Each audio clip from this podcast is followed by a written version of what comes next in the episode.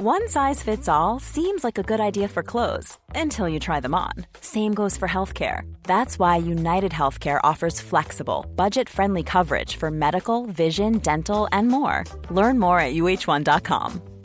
Hey, it's Ryan Reynolds, and I'm here with Keith, co star of my upcoming film, If, only in theaters, May 17th. Do you want to tell people the big news? All right, I'll do. Sign up now and you'll get unlimited for $15 a month in six months of Paramount Plus Essential Plan on us. Mintmobile.com slash switch.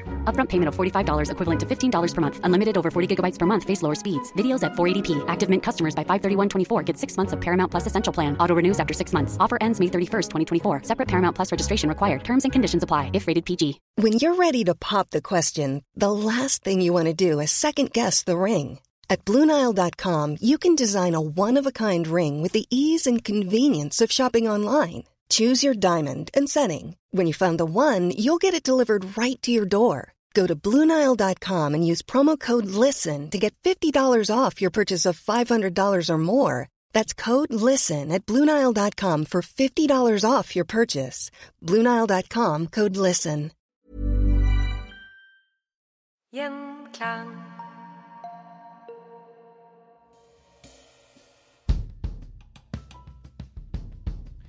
Friluftslivet består i å komme seg bort, bort fra jobb, hverdagsliv og sosiale krav. Det handler om å puste fritt, om frihet, enkelhet, rom for tanken, og om å være glad i naturen. Men friluftslivet i Norge har i hovedsak òg handla om en identitetsprosess. Nå skal du få høre hvordan friluftslivet har endra Norge.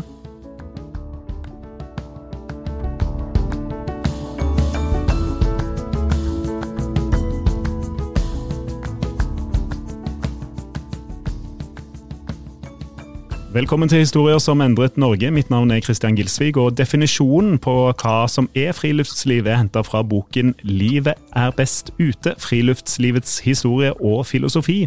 Den er skrevet av Peder Anker, som er professor i historie ved New York University.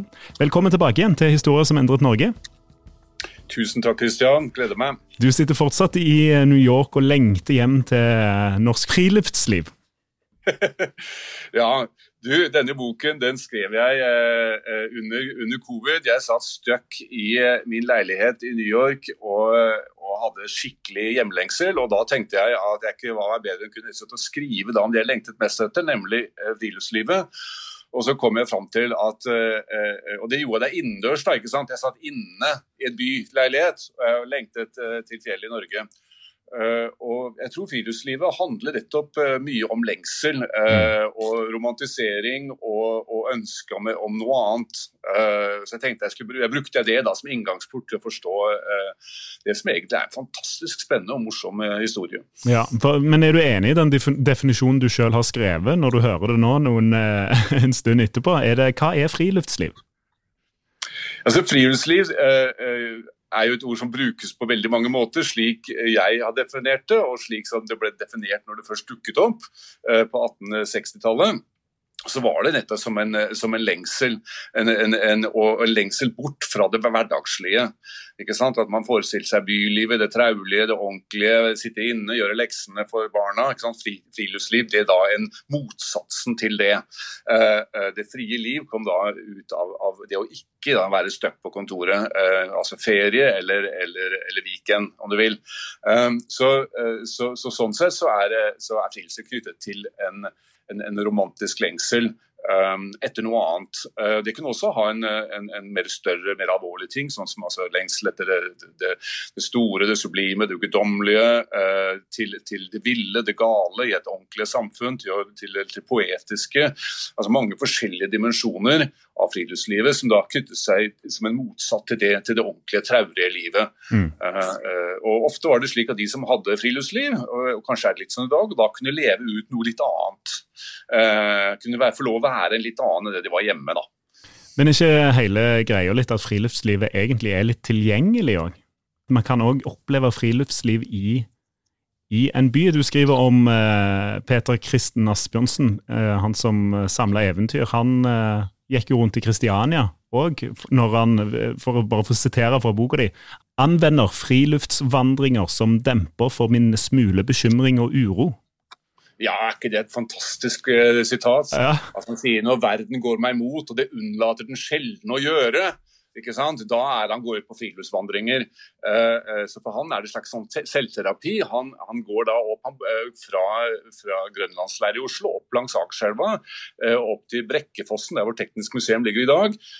Og, og, Der møter han Huldra. Og Dette synes jeg er spennende, for at han på den ene, ene siden av, av, elven så ligger da Brekkebruk, som den gang var Norges mest hypmoderne sagbruk. og På andre siden er Fossen, som er jo selve liksom, det, det kraftfulle, det, det emosjonelle det, det, både metaforisk og, og, og, stort, som han da stirrer litt ned. Og der møter han en mann med nisselue. Eh, som da forteller han om Huldra. Så er, Han sitter da mellom det, det, nye og det gamle, om du vil, eh, eh, i, i, sin beretning. Og Jeg ser jo på eventyrene hans som, eh, som, som litteratur fra friluftslivet. ikke sant? Hvor han møter troll og, og det underjordiske eh, eh, og hjelpere og, og, alt dette. Det er jo, kommer jo ut av, av det, noe som du, ikke nødvendigvis møter på jobben. da, ikke sant? Eh, så Sånn sett så var han en, en, en av Norges store og viktige friluftstenkere. Jeg ser, ser på han mer som en filosof. og jeg tror og, og, og, tror kanskje at mer av det han skriver om eventyrene, er at det der også er et element av genuint forfatterskap fra hans side. Så friluftsliv handler eh, ikke nødvendigvis om å komme seg fysisk langt vekk, men det å forflytte seg mentalt, da, sånn som Asbjørnsen gjør? da? Nettopp. Det er en mental forflytning. Man kan ha friluftsliv eh, omtrent bare ved å se ut av vinduet. Det er jo viktig å tenke på for de som er, er, kanskje gamle og ikke kan lenger gå ut. så At man kan se ut på himmelen eller på, på, et tre, kan ha en opplevelse av å drømme seg bort til et annet sted. Man kan også ha friluftsliv i en bakgård, i en hage, eh, bak superen. Altså, jeg, jeg, er ikke slik at friluftsliv bare omfatter det å være, eh, være, på, eh, være på fjellet eller ved sjøen. Og Det er også noe som er greit å, å, å ha med seg. at Friluftsliv i Norge knytter seg gjerne til å være på fjellet, og det er selvfølgelig riktig. Men jeg syns også det å være ved, sjø og fjord og seiling og sånn er også knyttet til, til friluftslivet, sånn som jeg forstår det. Mm. Og her, her, prøver jeg å skille fra, og det er kanskje viktig å ha med seg, jeg prøver å skille fra at det er, det er forskjell på utendørsliv og friluftsliv. Ja. Uh, uh, ikke sant? Hvis du går ut og jogger og, og, og på en måte, eller går ut med vennene dine og prater eller er på et skirace, så er du utendørs, og det er kjempebra.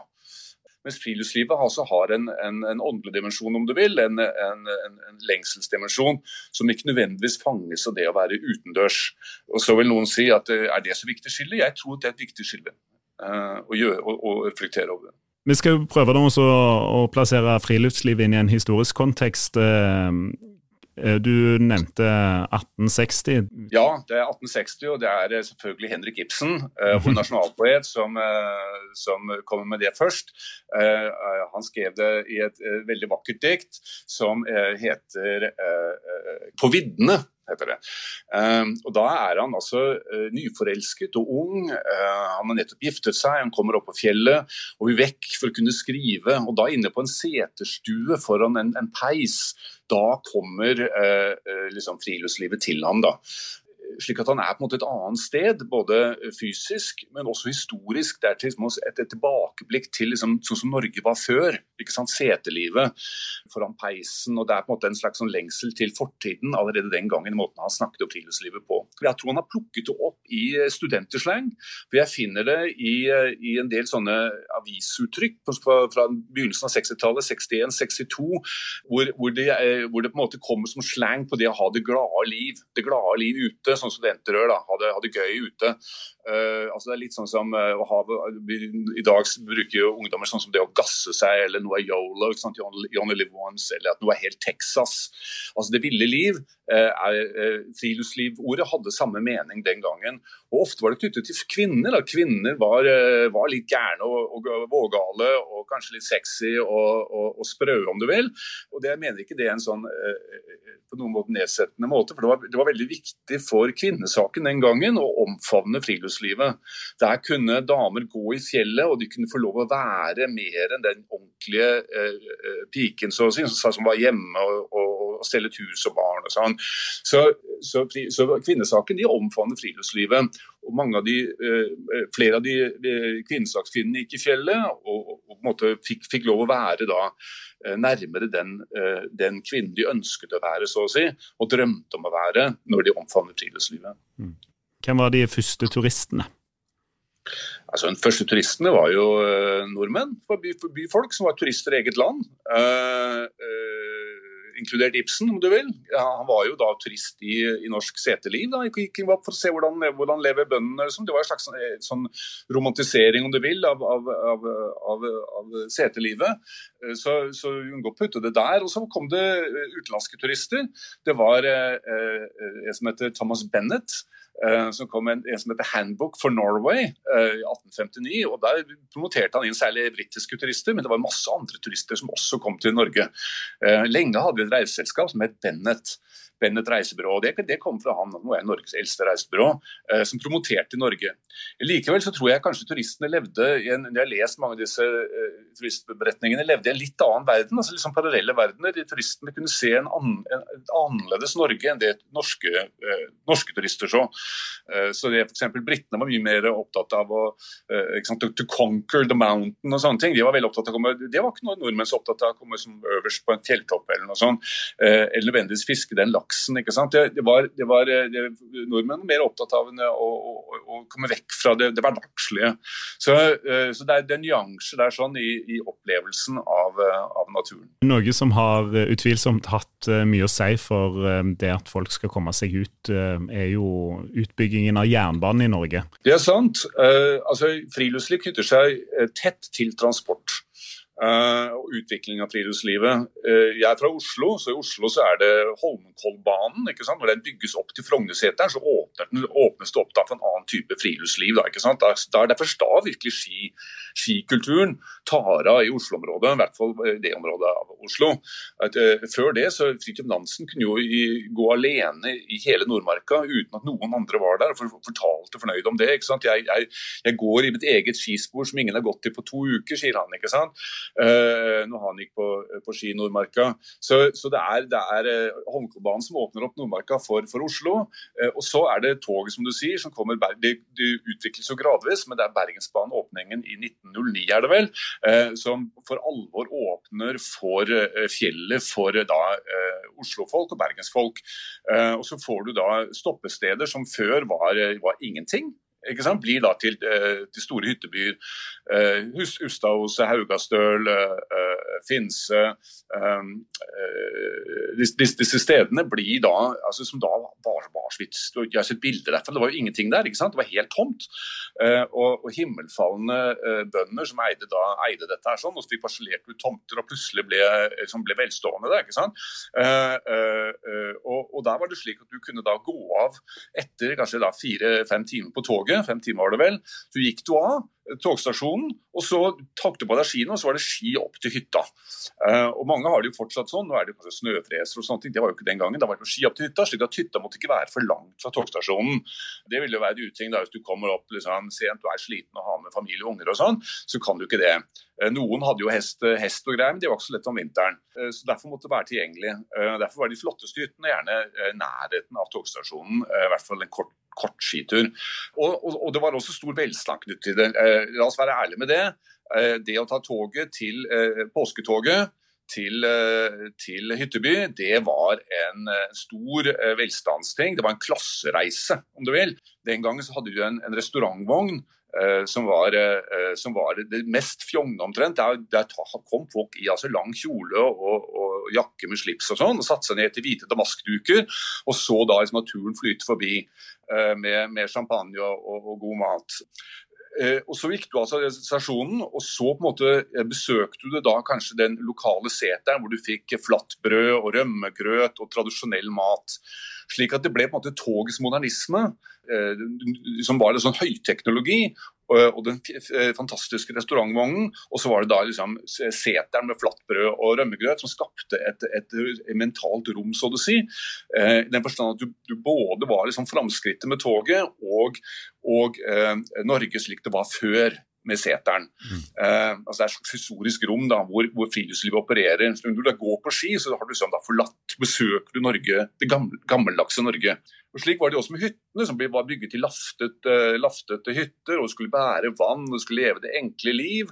og uh, I den forstand besøke det historiske Norge. Det var en slags nasjonalromantisk lengsel, etter slik Norge var før. Og med det også feire eh, framtiden. Så føk du av gårde eh, på ski, og det var, var litt sånn eh, guttete dette her, litt sånn, sånn machoverden. ikke sant? Du føk av gårde av ski og drømte om å bygge land og vei og kraftstasjoner og, og, vannkraftverk og alt mulig sånn, for å liksom da bringe liksom, togets kultur, modernismen, inn på fjellet. Det var, og, og, damene fulgte med da, ikke sant. Bakerst dette sosiale hierarkiet, altså eh, de, de, de, mennene først med, med kraftverkene, og så damene, og bakerst kommer da seterjenta. Setejenta hun, hun, hun, sto da gjerne ved toggrinden eh, i stakk om en sau eller en ku eller noe sånt. Og Det finner du jo på nesten alle liksom, gamle hytter. Så er det bilder av liksom, seterjenta i stakk med ku eh, ved togstasjonen, som representerer da liksom den, eh, den helt tilbake bakerst denne sosiale eh, hierarkiet. Og, eh, og, en som også ble da gjenstand for erotisering. da, ikke sant?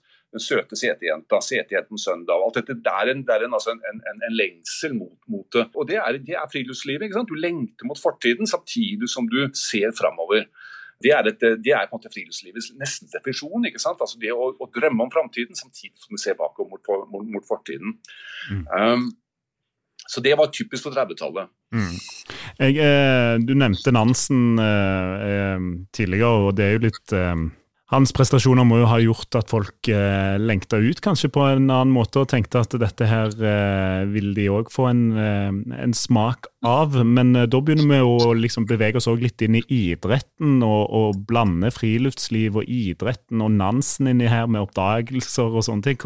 Eh, men det må jo ha en samlende effekt på å få folk ut og kjenne på friluftslivet. Det var det. Nansen han var jo eh, han var kritisk. Han mente friluftsliv ikke, idretten ikke var en del av friluftslivet. Fordi idretten var opptatt av det sosiale og, og konkurranse og, og stevner og, og, sånne ting. Eh, Han sa ikke det var noe galt i det, det er flott det at folk konkurrerer, og, sånn, men, men, men, friluftsliv var liksom det å være ute i det store, tomme rom. ikke sant? Eh, eh, og, måte oppleve den, den, det ensomme, bekrefte seg selv i, liksom, i verdensrommet, så å si, eller, eller ute i det store blå. Så han hadde da en, en, en, en forståelse av friluftsliv som, som, ikke da kunne omfatte uh, stevner og renn og, og, sånne ting. Eller i dag skarvrenn og birkebeiner og alt dette her. Det, det blir jo ikke da Uh, friluftsliv uh, slik som, som, Nansen ser det, og heller ikke slik som jeg ser det. Da må jeg bare skynde meg med en gang og si det er jo ikke noe gærent i disse rennene.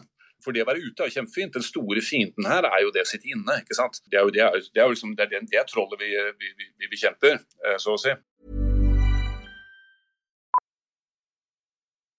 Millions of people have lost weight with personalized plans from Noom. Like Evan, who can't stand salads and still lost 50 pounds. Salads, generally, for most people, are the easy button, right? For me, that wasn't an option. I never really was a salad guy. That's just not who I am. But Noom worked for me. Get your personalized plan today at Noom.com. Real Noom user compensated to provide their story. In four weeks, the typical Noom user can expect to lose one to two pounds per week. Individual results may vary. Hey, it's Ryan Reynolds, and I'm here with Keith, co star of my upcoming film, If, only in theaters, May 17th. Do you want to tell people the big news? All right, I'll do it. Sign up now and you'll get unlimited for $15 a month in six months of Paramount Plus Essential Plan on us. Mintmobile.com slash switch. Upfront payment of $45 equivalent to $15 per month. Unlimited over 40 gigabytes per month. Face lower speeds. Videos at 480p. Active Mint customers by 531.24 get six months of Paramount Plus Essential Plan. Auto renews after six months. Offer ends May 31st, 2024. Separate Paramount Plus registration required. Terms and conditions apply if rated PG. Life is full of awesome what ifs and some not so much, like unexpected medical costs. That's why United Healthcare provides Health Protector Guard fixed indemnity insurance plans to supplement your primary plan and help manage out of pocket costs. Learn more at uh1.com. Innledningsvis så sa jeg at uh, friluftslivet i Norge i hovedsak handler om identitetsprosess. og Nansen var jo òg uh, opptatt av at uh, nasjonen Norge skulle ha en identitet. er det her vi begynner å se at friluftslivet blir trukket fram som en kvalitet hos nordmenn som nordmenn må finne fram til på en måte for å kalle seg nordmenn? Ja, det, det tror jeg det er, mye i. Uh, at dette er identitetsskapende. Hvis man, uh, hvis, man, går på ski, så er man blitt uh, nordmann. Norge er jo nordmenn er født med ski på beina, er liksom spøken. ikke sant? dette var jo en ny ting. Eh, det å gå på ski hadde jo ikke folk gjort noe særlig før, eh, før, før Bergensbanen kom, da det ble, ble populært. Og det ble på en måte, Dette var unionsoppløsningen i 1905, dette var en form for selvstendighetserklæring. Vi er ikke lenger svensker, vi er nordmenn, de går på ski. Mm. Uh, uh, det, ble en, det, ble en, ting. Men det var nok fortsatt en elitepreget. Elite Bønder gikk på ski i den grad de måtte gjøre det, for de skulle fra et sted til et annet. Arbeidere de gikk i noen grad på ski i byene. Men eh, enten så hadde de ikke råd til ski, eller så, eller så jobbet de så mye, eh, kanskje utendørs, at de ville være inne og ta det med ro på en søndag. Så, så det var, eh, var, nok fortsatt eliten under Nansens tid og utover mellomkrigstiden som, som omfavnet skilivet. De som ønsker å være tilhøre overklassen, har vel òg et behov for å ta, ta spenne på seg ski og vise at jeg tilhører denne gjengen? Nettopp. De eh, ville jo da si hva er det som gjør meg, eh, heve meg over resten av bermen? Vel, jeg går på ski, ikke sant. Eh, eh, eller jeg har hytte på, på, på fjellet. Eh, det å kunne si at man har hytte på fjellet, er jo en, en, et sterkt signal om, om sosial standard. Da, ikke sant? Og dag, vi ser jo det i dag også. ikke sant? Folk poster fornøyd, selfies fra fjellet og ser så fint her, her, her sånn. Uh, uh, og Det er en feiring av naturen som man er glad i, og den fine naturopplevelsen man har. Men det er også en feiring av sin egen sosiale standard. Se, ikke sant? Jeg, jeg har råd til å være her.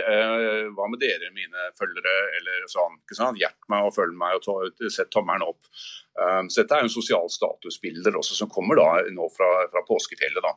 Men når klassekampen da altså i mellomkrigsårene, og det er ulike identiteter som slår litt mot hverandre og sånt, hvordan, uh, hvem er det som bruker, eventuelt misbruker det friluftslivet best? Utover 30-tallet så, så, ser jo Arbeiderpartiet da med fremover om at man må finne noe å samle nasjonen. Hvordan samler man nasjonen, hvordan man gjør man dette. Og Det skjedde egentlig mest med uh, under krigen. Uh, under krigen så var jo heltene Eh, det var jo motstandsbevegelsen. Alle hadde hørt om dem, ingen visste helt hvem de var. Eh, eh, og De møttes da på skauen. Vi hørte uttrykk som 'gutta på skauen', men det var, jo, det var, jo, også damer der. bare så det er sagt. Men, men, men, men, på 'Gutta på skauen' er interessant, for der sitter altså motstandsbevegelsen inne i hemmelige hytter og hører på hverandre. og De kjeder seg, for de venter på at noe skal skje. Krig er jo stort sett å vente. Og Der sitter de og snakker sammen. og Der får du arbeidere, du får rike advokater, du får rørleggere, du får bønder, du får unge, du får gamle. og Folk sitter rundt og snakker sammen. og skaper, Det skaper tillitsbånd mellom, mellom, ulike klasser og ulike grupper inne i skogen. Så friluftslivet blir altså et frihetssted. Og Når krigen er over eh, og heltene kommer ut av skogen, så blir jo dette her en, en felles opplevelse. Og Gerhardsen omfavner det, sier at eh, friluftslivet blir nå det som samler nasjonen. Uh, uh, og, og, Han promoterer jo aktivt friluftslivet. Han er opptatt av det selv. Han, han, han så å si inviterer uh, politikere, presse alt inn på hytta si uh, for at de skal på en måte se det. Han, han er opptatt av altså hold deg fast, han er opptatt av hvem som skal være leder i Turistforeningen. Uh? Det er noe liksom, statsministeren skal liksom, ha meninger om. Det sier noe om, De skriver jo kronikk uh, uh, skriver kronikk i Turistforeningens årbok. Uh, det er også helt fantastisk. Han forsvarer fri, friluftsliv for alle, tror jeg, husk, tror jeg mener jeg husker det kronikken heter. Eller artikkelen.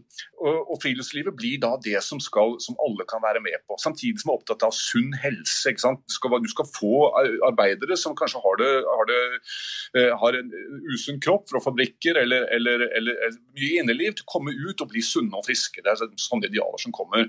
Og, og Derfor promoterer Arbeiderpartiet at hele nasjonen skal ut og ha friluftsliv. Og Samtidig så har jo ikke folk råd til å reise. Det er helt utenkelig å ta til Kanariøyene, og det er ingen fly er jo helt utenkelig. og sånt, så Europa, så, så Det går jo ikke. Så folk, Hele folket drar på fjellet. Og Det blir den samlende diskursen. Det er det som da hele nasjonen kan samles om. Eh, eh, nordmenn er jo ikke så like. Folk kommer fra ulike deler av landet, snakker ulike typer dialekter, folk har ulike bakgrunn. Altså Masse å skille nordmenn. Likevel så skapes det den, følelsen at vi har noe sammen. Den kommer fra friluftslivet, mener jeg. da. Det, det er fellesskapet, det er den diskursen eh, eh man liksom har sammen. Eh, nå, nå, sitter folk i påskefjellet. Bare, bare prøv å starte en samtale om jakt og fiske, og plutselig hele alle bor i gang med å ha noe å prate om. da, ikke sant? Eller, eller turen man har gått da, ikke sant. 'Lillegutt var så flink', og sånn. Og 'nei, gikk du så langt'? Og de, dette er samtaler som, som skaper et, et, type fellesskap. Og Det ser vi også nå på, på, på Facebook og Instagram og sånn, det, og TikTok, at folk liksom legger ut liksom de, den ene skivideoen etter den andre og, og, og påskebildet etter den andre, nettopp som en del av nasjonaldiskurs som, som sier vi er, dette har vi felles. Ikke sant? Eh, dette er fellesskapets, uh, fellesskapet vårt. Folk kjenner seg igjen. 'Nei, har du også vært der?' Liksom, ikke sant? Og, og, og, dette er kjempeviktig for, for, å skape et fellesskap i nasjonen. Og jeg tror politikere i dag ikke helt uh, har skjønt hvor viktig det er. Uh, når de da bygger ut eller, eller undergraver muligheten for friluftslivet. Eller, eller, ikke selv legger ut videoer og selfies i seg selv i et aktivt friluftsliv og, og ser eller forsvarer allemannsretten og sånne ting. fordi Eh, det, det, det undergraver den, den fellesskapsfølelsen eh, friluftslivet eh, gir for alle. Og den har vi fra etterkrigstiden. Jeg tror Etterkrigstiden er liksom den viktigste perioden i friluftslivets historie, slik jeg ser det. Er det bare med tanke på å samle nasjonen, eller vinner Gerhardsen og andre politikere som bruker friluftslivets symboler og lar seg avbilde når de bygger enten en utedo eller er ute i naturen. Skårer de noen politiske poeng på dette? her? De skårer sosialpolitiske poeng i den forstand de er, de er en frontfigurer som alle kan slutte seg til. fordi at de kan si å nei, men har du også det gått en tur? Nei, du ikke tro det, jeg møtte Gerhardsen på fjellet. ikke sant? Altså, Rykteflommen knytter seg til det. Vi, vi, vi sier at han er en av oss, og vi er en del av ham. Um, samtidig så bygger han jo ut fjellet. Han setter opp sant, kraftstasjoner og, og, og, svære dammer og, sånn, som i ettertid har stilt store spørsmålstegn ved. Disse settes opp ved den største selvfølgelighet, helt uten motstand. Til å bygge ut elektriske kraftverk på de vakreste steder. Med like liten motstand, uh, merk det, som de første vindmøllene fikk når de ble satt opp for er det nå 15 år siden. eller noe sånt. Da bare gikk de opp, og folk ja, det grønne skiftet, det må gjøre, det er ikke noe problem. og Det er jo veldig, veldig fint. ikke sant? Ingen motstand, uh, før da plutselig sier vent litt, her, dette ødelegger ødelegger noe for oss. Uh, så, så det, Der er det en, en, spennende parallell som knytter seg til da altså kraftsosialismen. Og jeg tror det er Gerhardsen på en måte, han ser kraftverket og sier det er framtiden, samtidig som han besøker fortiden, den, den, den, den forestilte fortiden ved det å gå på ski. ikke sant? Slik man gjorde i Telemark da for 1000 år siden angivelig. Eller det skjedde jo, men altså Det er en slags sånn, en slags sånn jeg, jeg, representerer både framtid og fortid. Og det er jo, det er jo selv nesten på en måte, det, eh, han, han, han, ble jo friluftslivet på den måten. Ja. Er det mulig å gjøre det sånn som Gerhardsen gjorde det før? Nei. Uh, vi kan jo ikke, vi kan jo ikke uh, gjenskape fortiden. Og her, her, her tror vi, er, vi, vi må, må se litt større på det. Kanskje kanskje friluftslivets periode i norsk historie, og dette, dette, dette sier jeg mest litt for at lytterne skal få noe å tenke på, eh, kanskje den, den periode i norsk historie nå har kommet til en form for avslutning. Eh, ikke sant? Altså, vi kan snakke om at vi, at vi hadde mellomkrigstiden, vi hadde middelalderen, vi hadde historiske perioder. Slik man også sier kanskje friluftslivet er en periode i norsk historie som nå har kommet til, til en avslutning. Fordi det blir vanskeligere og vanskeligere å, å forestille seg en, en, en fantastisk framtid, slik Gerhardsen gjorde. Og det blir vanskeligere og vanskeligere å beundre uh, fortiden. ikke sant? Seterlivet er borte. Det er jo ikke mulig. Hun der vakre seterjenta i Stakk med ku, hun finnes jo ikke lenger. ikke sant? Og, og bra er det for øvrig. Altså, det var jo ikke noe lett å være seterjente. Uh, samtidig så drømmer vi ikke på samme måte om fortiden. Det er klimaforandringer, det er miljøforringelser, det er plastikk overalt. Det er, det er masse miljø, miljøproblemer som gjør at liksom, troen på den der, eh, framtiden som Gerhardsen hadde, den, den, er ikke, den, er ikke, lenger mulig. Og På den måten så, så er uh, så er liksom drømmen om, om, om, fortiden og drømmen om framtiden den har kollapset på en måte som gjør at det er vanskelig å, å gjenskape det, det, det, forestillingsrom som, som Gerhardsen hadde da på, på 50-60-tallet. Uh, og Der tror jeg norske politikere har, har et problem. Jeg tror friluftslivet har et problem. Og hva, hva, får vi da igjen for det? Hva står vi igjen med?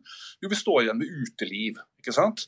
Uh, som da er uten en lengsel mot, mot, mot fortid og framtid. Det er mer sånn der Hei, skal vi gå ut og, stoppe stå på slalåm? Ja. Uh, og, og, sport og styrke kroppen og, og, og, gå opp og ned en bakke for å bli sterk. og sånn.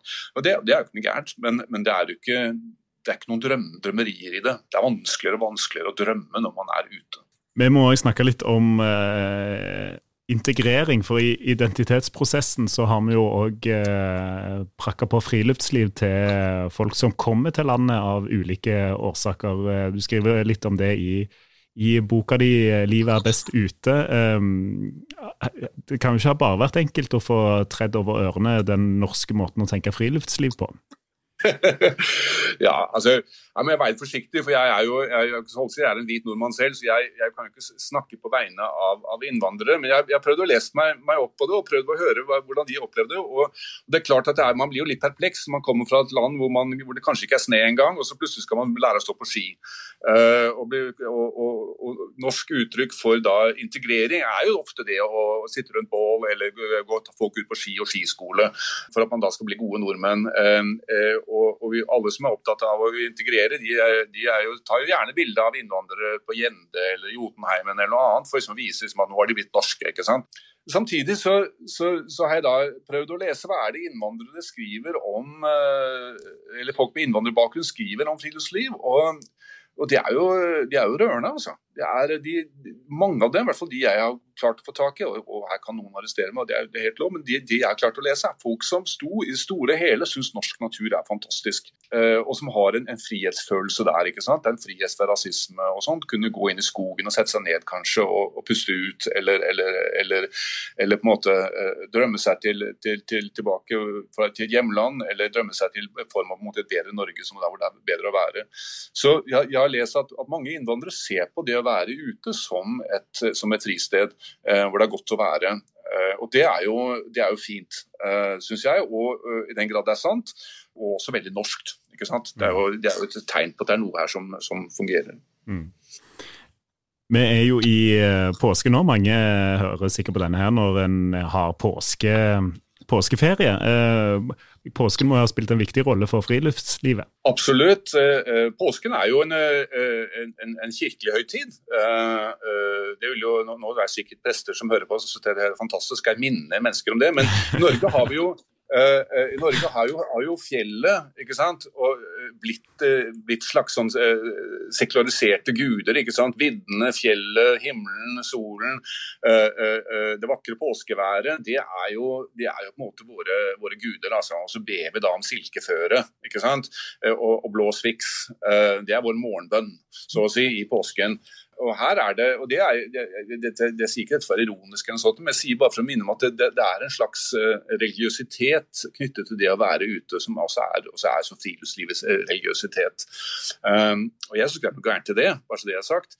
Uh, så Det er ikke tilfeldig så å si, at, at folk har, har, store naturopplevelser eller nesten religiøse opplevelser når de, når de er ute, ute, på ski uh, uh, på påsken. Og så er det jo lettere å drive friluftsliv i byen òg når mange er på fjellet, er det ikke det? Uh, jo, altså jeg, jeg, jeg, uh, jeg, er jo I sin tid var jeg urbanist uh, på 90-tallet og veldig opptatt av det urbane. Da gikk jeg, gikk mine turer fra i, i, Oslo, så er det helt typisk at man tar trikken til Sognsvann for å så å gå på tur inn i Nordmarka. Jeg tok også trikken til Sognsvann, men jeg gikk da på tur ned i byen spiste matpakken i, i, i, i Slottsparken. Og, og, så gikk jeg opp til Sognsveien og tok trikken hjem som en slags protest. Da, en slags anti, antitur. Eh, eh, eller for å utforske turen, eh, eh, byen som et sted hvor man kunne ha friluftsliv. Og, og syntes det var veldig spennende. Det, jeg var den eneste som gjorde det, tror jeg. Uh, jeg gikk også opp på topp av, toppen av, av, tak og sånn. da. Det var jo fjelltoppen i, byen. så Jeg gikk alle, jeg er ikke noen fjellklatrer, men jeg gikk alle da, trappene oppover og kom opp i, på, på, på bytak og spiste matpakken der da, som alternativ til å sitte på toppen av fjellet. Så, uh, så Det var min, eh, min, min, eh, min, protestalder, om du vil. Hovedtanken bak det var jo at jeg mente at naturvernere burde sette større fokus på livet i byen. Og, og gjøre byen til et godt sted å være. Den gang var den store kontrasten mellom by og, og land. ikke sant? Landet, Alle er opptatt av miljøvern på landet, så å si, eller ute i skogen, men veldig lite opptatt av, byen som, som, et miljøsted. I dag har det forandret seg. Nå er sant, det typisk med De Grønne i Oslo, som har gjort og Arbeiderpartiet også for øvrig, gjort, gjort byen da, til et mer miljøvennlig sted. Da, ikke sant? Eh, og På den måten her måtte forskjellen mellom by og land kanskje begynne å kollapse igjen. da, Og også med det muligheten til å, til å ha et, et, et, et, friluftsliv som en sånn forestillingsrom mellom, mellom, det ene og det andre. Hva gjør du på i påsken? Ah, I påsken, vet du hva. jeg skal på fjellet. Jeg tar med familien og skal på fjellet, og jeg gleder meg noe så enormt Ja. til det. Det er min, eh, min drøm. Hilsen professor Anker, som eh, akkurat når vi tar opp dette her, sitter på, sitter på et kontor på Manhattan. Er det ikke der du sitter? Vi sitter på kontoret i Manhattan og, og, og drømmer om, om, om påskefjellet. Helt korrekt. Ja, det er bra. Du har uh, boka di 'Livet er best ute', friluftslivets historie og filosofi. er er er ute veldig anbefalt lesning og på påskefjellet, men vi må jo runde av med å spørre hvordan har friluftslivets historie endra Norge? På to store måter. Eh, Det ene er at dette er det vi har felles. Dette er det som knytter oss sammen. Det som vi kan snakke om. eh, Særlig når du møter folk du ikke kjenner. Og Det andre måten å forandre Norge på, det er eh, allemannsretten. Det at du kan gå overalt. Eh, En genial lov når den ble laget. 1965, egentlig en lov som bekreftet en gammel hevd. Men det at den ble gjort om til lov er noe av det viktigste som kanskje skjedde i, i, sånn juridisk knyttet til natur og naturvern og sånne ting. Den også forandret Norge helt forskjellig fra mange andre land, eh, inkludert USA. Her er ikke, kan jeg ikke gå på privat eiendom. Eh, du kan ris- risikere å bli skutt. Mens i Norge så er det da allemannsretten. Den er kanskje noe av det viktigste eh, å forsvare nå. og Den er jo en konstant angrep fra private grunneiere, fra politisk hold, som konstant undergraver den. Ikke sånn i det store og hele, men i, de mange tusen små utbygginger tusen små gjerder og, og, og sånn som blir satt opp langs stranden og sånne ting. Og Der er det, har, har, særlig lokalpolitikere en kjempejobb å gjøre med å, å forsvare allemannsretten. fordi uten allemannsretten så har vi ikke det felles landskapet og det felles naturopplevelsen som vi kan ha for å være en del av det vi kaller samfunnet. Vi, vi må gå turer sammen for å kunne være, ha dette felles. Og Tas det bort, så er det vanskelig, vanskelig å ha et, et, et, et fellesskap. Peder Anker, takk for at du tok deg tid til historier som endret Norge i dag. Takk skal du ha, Christian. Dette var moro. Eh, og så får jeg ønske god påske til deg og alle, til alle som hører på. Ja, Det var hyggelig. God påske. God påske.